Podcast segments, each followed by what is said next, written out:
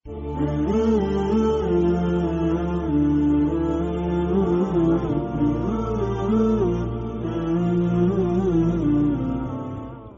الله الرحمن الرحيم. الحمد لله رب العالمين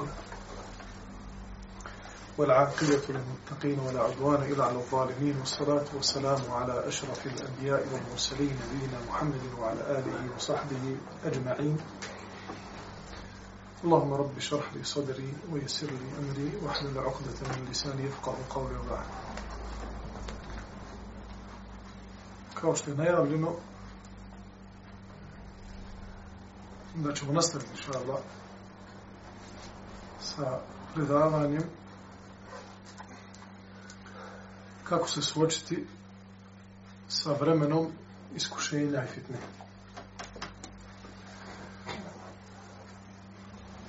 Pa smo u prošlom predavanju spomenuli neke od njih.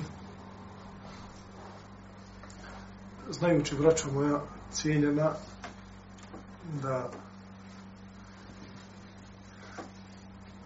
koga Allah subhanahu wa ta'ala iskuša sa fitnom, općom, u narodu, u društvu, u čovječanstvu, on je iskušan sa velikim belajem. Nema sumnje da je naše vrijeme vrijeme fitnih iskušenja. Ne samo jedna fitna, nego nam se razne fitne nagomilale oko nas, između nas, sa svih strana, ispod, iznad.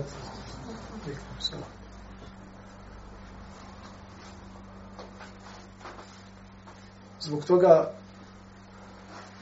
musliman svakog jutra, ama baš svakoga jutra, i svake povečeri, uči dovu poslaničku. Gdje bi Allahu poslanik alaihi salatu wasalam znao reći Allahumma hfadni min bejni jedeje ومن خلفي وعن يميني وعن شمالي ومن فوقي وأعوذ بعظمتك أن أغتال من تحتي Allahu moj, sačuvaj me s moje desne strane i s moje lijeve strane, i s moje prednje strane i sa zada.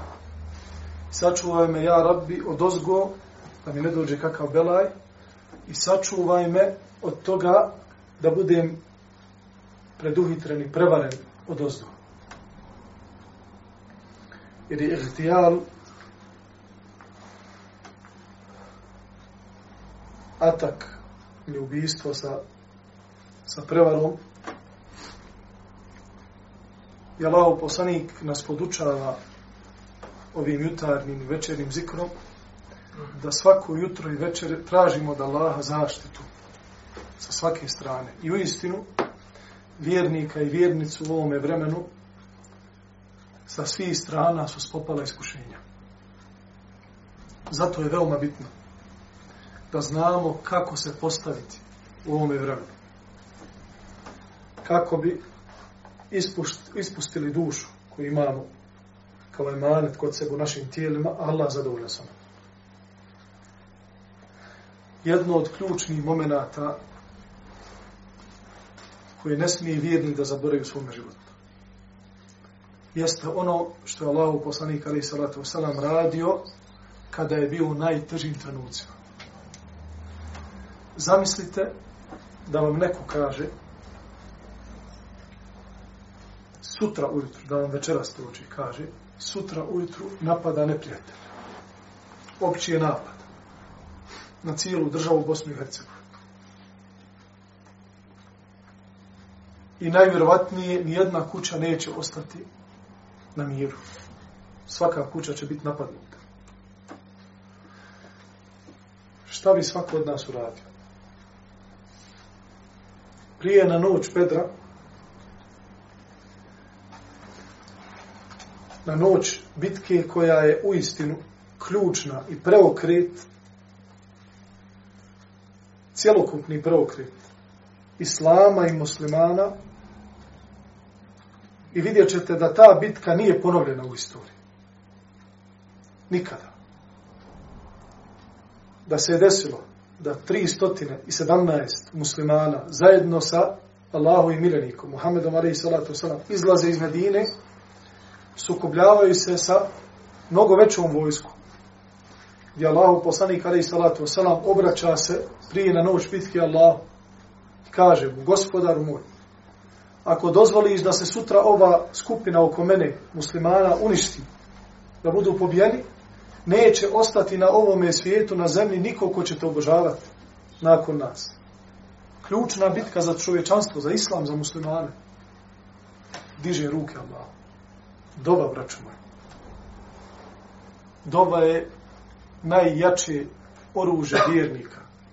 Data mu je i počašćen je svaki vjernik sa time što nema vremena, ni mjesta, uopćeno rečeno, niti ima ikakve zapreke, da kažemo da mora biti pod abdestom, ne pod abdestom, da mora nekoga pitat da bi dobio svoga šeha, roditelja ili nekoga drugog ostvorenja, nikoga, brate mu, digni ruke Allah, spomeni ga sa najljepšim njegovim imenima, sa uzvišenim svojstvima savršenstva i traži od njega, on će ti dati. Pogotovo što nam dolaze plemeniti Mubarek dani i noći mjeseca Ramazana.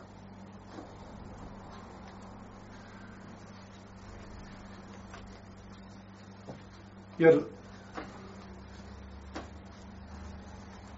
svako od nas ima svoj rok svakom od nas jednog dana doći melekul maut.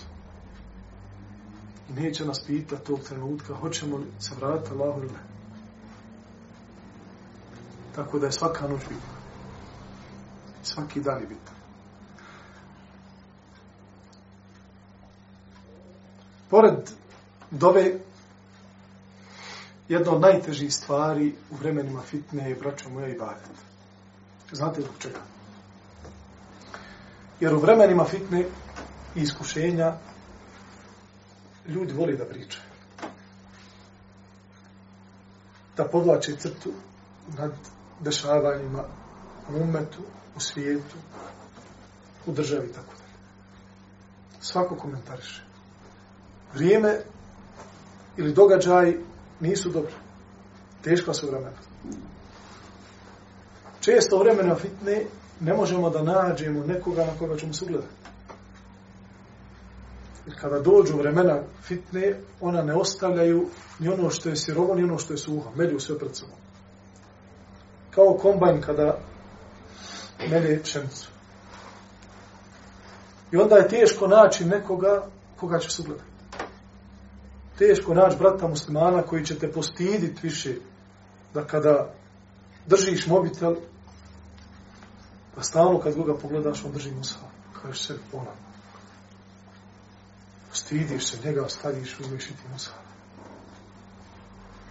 Kada ne klanjaš sunnete, stidiš se vrata muslimana koji ne samo da klanja sunnete koji su propisani, nego i mimo toga kad god se okreneš, vidiš ga tamo negdje, on uze ovdje sklanja dva rekata. U vremenima fitne toga je malo. Jer kada nema fitne, kada nema jakih iskušenja, kada nema jakih vjetrova, onda je lakši ibadet, braćo. Usporedimo taj, te intervale kroz historiju. Vidjet ćemo od vijeka do vijeka. Od stoljeća do stoljeća. Od provincije do provincije muslimana, kako se ponašali, kako su bili prepoznatljivi, po čemu? Shodno vremenu u kojem su živjeli. Shodno fitni u kojem su živjeli.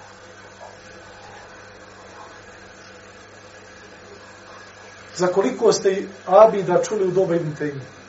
Kad su darali Tatari, kad su darali krstaše. Bilo je Alima, bilo je par njih, nekoliko. Planina. Dok ćete tamo vidjeti u doba Tabina, Omer ibn Abdulaziza i ostalih pravednih vladara, kada je stišala fitna, kada je nestala, Allah, u svakom čošku habit. ovaj kaže, ja sam toliko hadni proč, ovaj toliko ovaj stotinu rekiata, Ahmed bin Hanbel tri stotine dnevno, nakon što je iskušan zatvorom 150. Su Fatih Zadlalu kažeš, je to istina? Toliko su bili skrušeni u namazu, toliko slogu, toliko su djelivali. Tako su bili odgojeni. Kada dođu vremena fitne, drugačije se ljudi obavljaju. Jer onda, zbog težine vremena u kojem žive, zadovolje se elementarnim stvarima. Dovolja pet vakat namaza, post mjeseca Ramazana, alhamdulillah, kakvi ima, vidiš kako je vrijeme došlo. Spas u vremenima fitne je pridržavanje i držanje čvrsto za uže i badete. Jer kaže Allah u poslanik alaihi salatu wasalam, ibadet u vremenima fitne i iskušenja je poput hijđre meni. Ibadet u vremenima fitne i iskušenja je kao da učiniš hijđru Allahom poslaniku, kao što je došlo u vjerodostanom hadisu kod imama muslima. A znate, braćo moja, koliko su ashabi žrtvovali da bi učinili hijđru iz Mekke Medina. Allahu poslanik alejhi salatu vesselam pridržavanje ibadeta i držanje čvrsto za ibadeta za ibadet u vremenima fitne usporedio sa hijđrom ashaba iz Mekke u Medinu Allahom poslanik alejhi salatu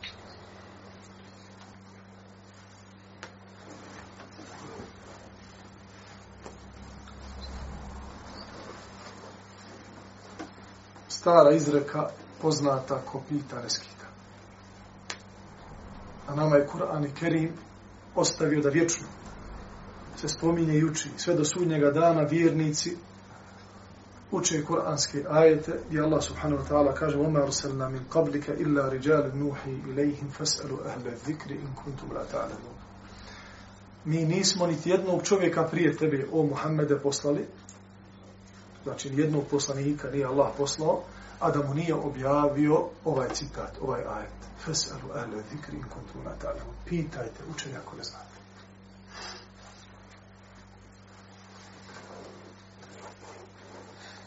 Kaže, ja znam da on zna. I da on učeni od mene. I da ja znam samo par kuranskih sura na pamet. Ne znam ništa drugo od islama. Ali ja mislim da je tako i tako. Da nije ovako kako on rekao.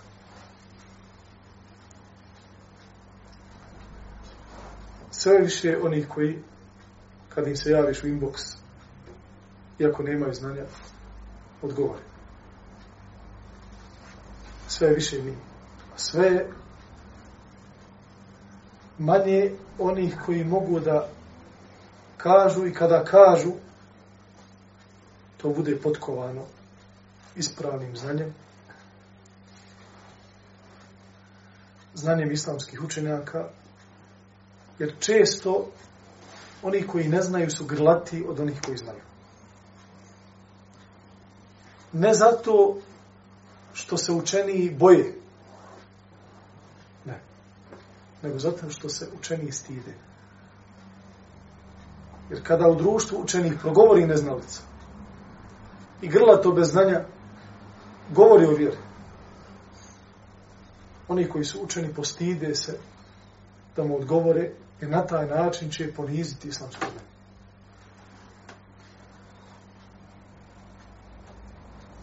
Često bi islamski učenjaci znali prešutiti i napustiti sjela neznalica, ne zato što im ne mogu odgovoriti, nego zato što im ne žele da odgovore i ne žele da se sa njima raspravljaju.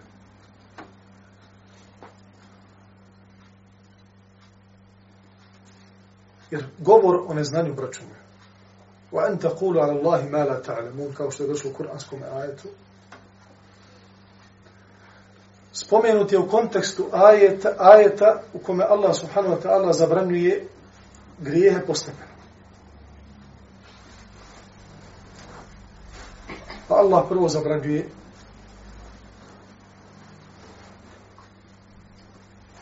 الفواحش ما ظهر منها وما بطن ružna djela psovka, razmetanje po putu, nanesivanje drugima nepravdu, bahato ponašanje, nemoralno i tako dalje. Zatim zabranio ol ifme wal baghi bi gajr al haq. Zabranio očiti grije. Ono što je došlo Kur'anom i sunnetom. Nemoj to raditi. Ako je Allah zabranio, ne čini to. Zabranio ti. To je stupaj više. Wal baghi bi gajr al haq. I da, on, da tražiš na nepravedan način, nemaš za to hak, nemaš za to pravo da tražiš svoje pravo nasilnički. Da otimaš od ljudi nešto što nije tvoje. Zatim dolazi kategorija iznad. Wa an tushriku billahi. Da Allahu druga prepisuje. Zabranjuje vam se strogo. Ma lam yunzil bihi sultana. Da Allahu pripisujete druga onome o čemu on ništa nije objavio. I danas na punim ustima ima muslimana koji punim ustima i hrabro podignute glave kažu mi smo muslimani, ali mi ćemo pored Allaha dobiti ovome i petom i desetom i mrtvom i živom kad nije tu. Svima ćemo se njima obraćati zato što smatramo da su i oni dobri i da oni mogu uticat na kosmos, da oni mogu uticat da Allah primi dovu i tako dalje. I još kaže za sebe na kraju ja sam musliman. Ja sam na onome na čemu je bio Muhammed alaih salatu wasalam. Tako mi Allaha, Muhammed alaih salatu wasalam je čist od. I njegovi ashabi, svi vjernici i vjernice do sudnjega dana. Čisti su od takve ideologije. Ali hoćete da vam kažem nešto. To nije najveći grih kod Allaha. Ovaj kuranski ajet postepeno zabranjuje sve ono teže pa teže. Znate li šta je teže u širku? Wa an taqulu ala Allahi ma la ta'lamu. Da kažete o Allahu ono što ne znate. Složni su mu fesiri da je ovaj kuranski ajet došao takvim, s takvom stilistikom i takvim redoslijedom da je postavio neznanje i govor o Allahu sa neznanjem da je to teže od samog činjenja širka. Logično. Čini širk činiš sebi nepravdu. Grijeh sebi činiš. Govoriš o Allahu, ono što ne znaš, ne činiš samo ti grijeh, nego i svi oni koji te slušaju oko tebe. Činiš opštu štetu. Jer koliko ima danas mušrika, u kući ima neki kipčić, nešto. I on tu po ni ti njega vidiš, ni to on tebe, ni to utiče nešto na tebe negativno. Ali koliko danas ima oni narikača koji u ime Allaha, u ime Islama, govore punim grlom, punim kapacitetom, punim plućima o Allahu, o Islamu, o vjeri, a pojma nema. I onda je to veći grih od širka. Svakom vremenu i prostoru. E, zamislite sada, kada dođu vremena fitne, pa se pojave ljudi sa dugim vratovima, grlati. Ne možeš i nadovikati. Ti, iako bi nešto rekao, moraš početi da galamiš kao što oni galame da bi te čuli ljudi okolo. Ali ti si naučio edeb. Tebe je Islam naučio moralu. Tebi je Islam rekao nemoj biti kabedahija. Tebi Islam rekao nemoj hodati nadmeno. Tebi Islam rekao niti ćeš svojim hodom moći u suri Lukman, probiti zemlju, nadmenošću, niti nadvisiti planine. Polako. Inke, inne enkara l'aswati la sautu la hamir. Kada Lukman, alaihi salam, dozvoljeno već, alaihi selam. Kada Lukman, dobri čovjek, Allah je bio zadovoljan sa njim, kada kaže svome sinu, spusti svoj glas, polako. Nemoj biti grlat. Kada se ljudima obraćaš, polako, fino im se obraća. U istinu najgori, najodvratniji, naj prezerniji glas kod ljudi je glas magarca. Kad riče. I onda ti ne možeš da dođeš do tih, od tih ljudi dogovor. Međutim, ako muslimanima dadneš ovu formulu kuransku i budu se toga držali, inša Allah, ta'ala, neće im naškoditi ti grlati ljudi koji, kada im kažeš o muslimani, držite se kuranskog ajeta koji važi za svako vrijeme i prostor. Fas'alu ahle zikri in kuntum la ta'lamu. Pitajte one koji znaju, ako ne znate.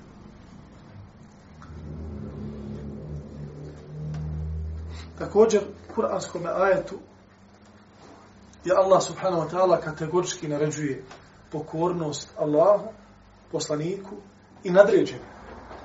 Wa ulil amri minku. Ibn Abbas radijallahu anhu tefsiru u kuranskog ajeta kada dolazi do objašnjenja ko su ti ulil amr ko su nadređeni nad muslimanima kaže da su to islamski učenjaci.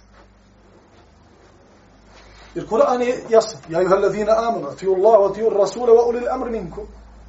O vjernici Allahu pokorni budite i poslaniku njegovome i nadređenima vašima. Allah i poslanik dobro, ko su nam nadređeni? Kaže Ibn Abbas radijallahu anhu, onaj za koga je, su rekli svi a, njegovi, su na, tu su narodnjaci, ashabi, tabini, da je bahrul umma, da je more znanje. I hebrul umma, pero umeta.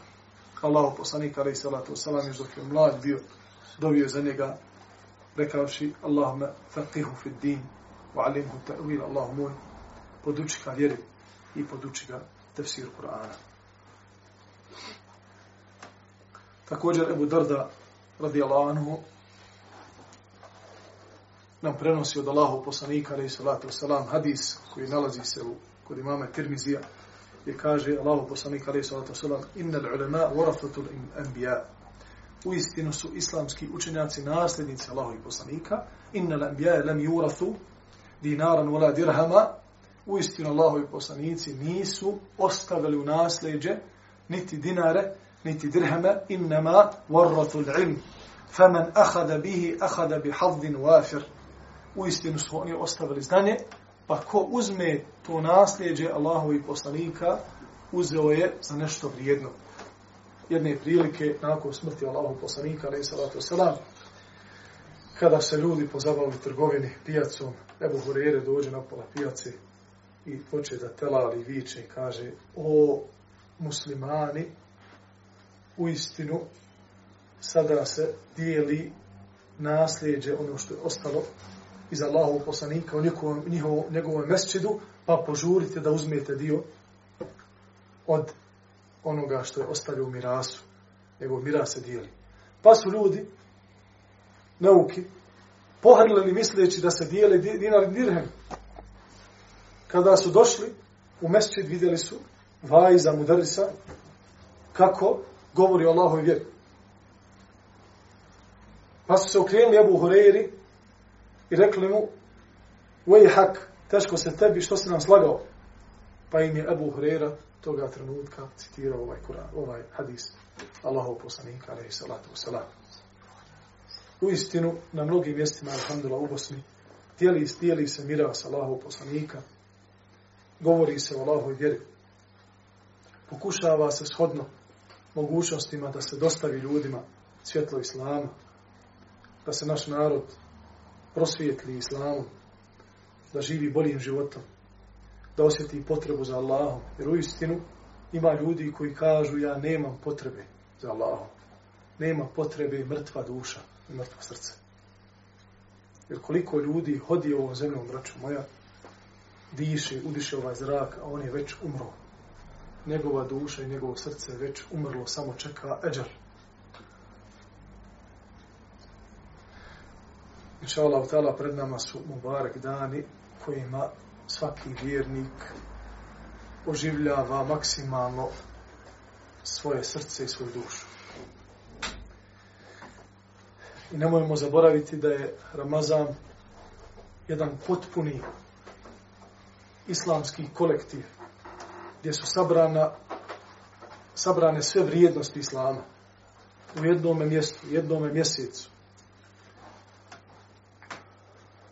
gdje je islam u tokom mjeseca Ramazana posvetio pažnju je pojedincu posvetio pažnju zajednici, tijelu, duši, dobročinstvu, iftarima, sreći vjernika, napajanju njegove duše. Velikani Islama su sve živo ostavljali. Sva svoja predavanja, sve svoje aktivnosti, sve svoje poslove, kako bi, kako bi posvijetili se mjesecu Ramazanu, učenju Kur'ana, te spihu Allaha subhanahu wa ta'ala, slavijeći njega subhana, razvijajući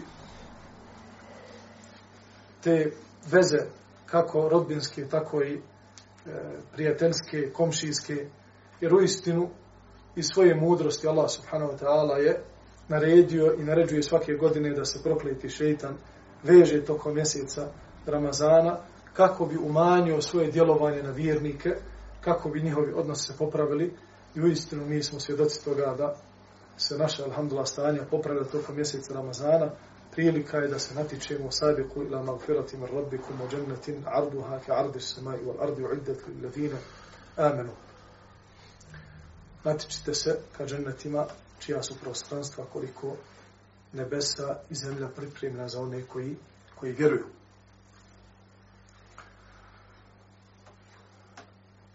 Također, Allah poslanik alaih salatu salam u hadisu kojeg bileži imam i Tirmidi od Enes ibn Malika radijallahu anhu, kaže, u istinu su me pokušali da uplaše sa većim strahom nego što vi proživljavate, misleći na Kurejšije. I u istinu, kaže Allah poslanik, uzitu fillahi, oma ju'da ahad, toliko mi je nepravda načinjena i toliko mi je ezijet učinjen kao nikome do, do sada. I zaista došlo mi je vrijeme kada sam bio 30 dana i noći zajedno sa Bilalom.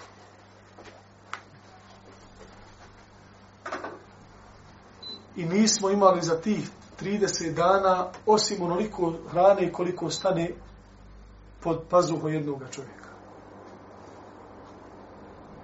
Pored toga, nikada nije zabilježeno. I to je dika muslimana da njihov prvak, njihov vođa, je posjedovao toliki rahmet svojim posljednjima. Da s najvećim svojim neprijateljima je oprostio onoga trenutka kada je imao najveću priliku da im se osvijeti. U vremenima fitne najlakše je kada se dobije prilika uzvratiti istom mjerom ili više od toga. Ali samo odgojene duše, iskrene duše, koje su svoje, svoja tijela i svoje duše stavili ispred sebe i rekli ovo je za islam. Šta god im se desi, neću reći Almiru ili nekom je drugom je nanešena nepravda. Ili treba Almir da se osvijeti za sebe. Nikada. Nego treba da kažemo onda kada imamo priliku da se osvijetimo hoćemo da postupimo kako je postupio onaj koga je Allah subhanahu wa ta'ala poslao sa potpunim moralom. I onda ćete vidjeti da najveći neprijatelji Islama postaju promotori ove vjere. U tom trenutku. Najveći neprijatelji Islama u tom trenutku kada čuju kada vide ovaj gest koji ne može podnijeti, niti ga može učiniti taj korak oprosta, osim duša koja u istinu iskreno želi Allah. Samo Allah, ništa drugo. Kada to vidi neprijatelj Islama, tada često postaju ne samo muslimani, nego i promotori din Islama. Allah subhanahu wa ta'ala kaže أَفَمَنْ كَانَ kana كَمَنْ كَانَ kana fasika la.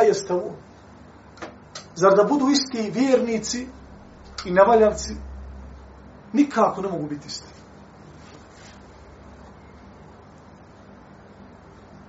Jer nevaljavac, griješnik, služi se svakojakim metodama da ponizi vjernika. Svakojakim riječima. Zar da se spusti vjernik na njegov stepen pa da mu vrati istim riječima i da koristi isti žargon kako bi mu, kao što se u žargonu kaže, spustio i njega on ponizio. Ne.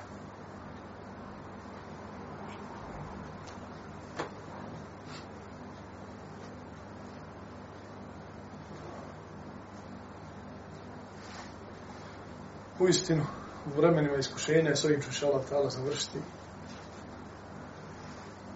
svako od nas je potreban povratka Allahu subhanahu wa ta'ala s iskrenom teubom i pokajanjem. Ja juha alladhina amanu tubu ila Allahi teubatan nasuha. O vjernici, o mu'mini, ovi koji već imate stepen kod Allaha, niste obični. Vjerujete u Allaha, pokajte se njemu iskrenom teubom. Allah nas poziva. U istinu, kad od Zubera ibn Bakara u knjizi Ansab prenosi se da je Omer ibn Khattab jedne prilike kada je bila suša velika u Medini pozvao Abbasa ibn Abdul Muttaliba da on dovi ispred muslimana da oni aminaju. Da Allah subhanahu wa ta'ala spusti kišu. Zbog čega je to uradio? Zato što je smatrao da je Abbas dobar čovjek velik mu'min, blizak Allahu subhanahu wa ta'ala i zbog njegovog mjesta kod Allahov poslanika, znajući da je El Abbas ibn Abdul Muttalib bio, šta? Šta je bio? Amidja Allahov poslaniku, i salatu wasalam. Pa kada je, kada je Abbas radijallahu anhu digao svoje ruke, rekao je Allahumma innahu lam yunazzel bala'un illa bi dhanb. Allahu moj, ti znaš da nijedan belaj, nijedna suša, nijedna fitna, nijedno iskušenje nije spušteno osim zbog grijeha ljudi. Volem yukšef illa bi teube. I to iskušenje i taj belaj neće se otkloniti osim sa teubom. Znači ovo su riječi Amidža Allahov poslanika. Insana koji je sjedio svakodnevno sa Allahovim poslanikom, učio din od njega, s prve ruke. Kaže, niti jedan belaj među muslimane nije došao osim zbog grijeha. Suša, poplave, grijesi. Niti se otkloni osim sa teubom, iskreno. I u istinu, moj narod me stavio ispred sebe da ti dovim. Zbog moga mjesta kod Allahov poslanika, i u istinu mi dižemo tebi ove naše griješne ruke i iskreno te molimo za teubu pa nam spusti kišu. Nisu se razišli ashabi iz mešćida Allahov poslanika, a da Allah nije dao da se ogromni oblaci nisu nadvili nad Medinom i prokafala je mu bare kiša.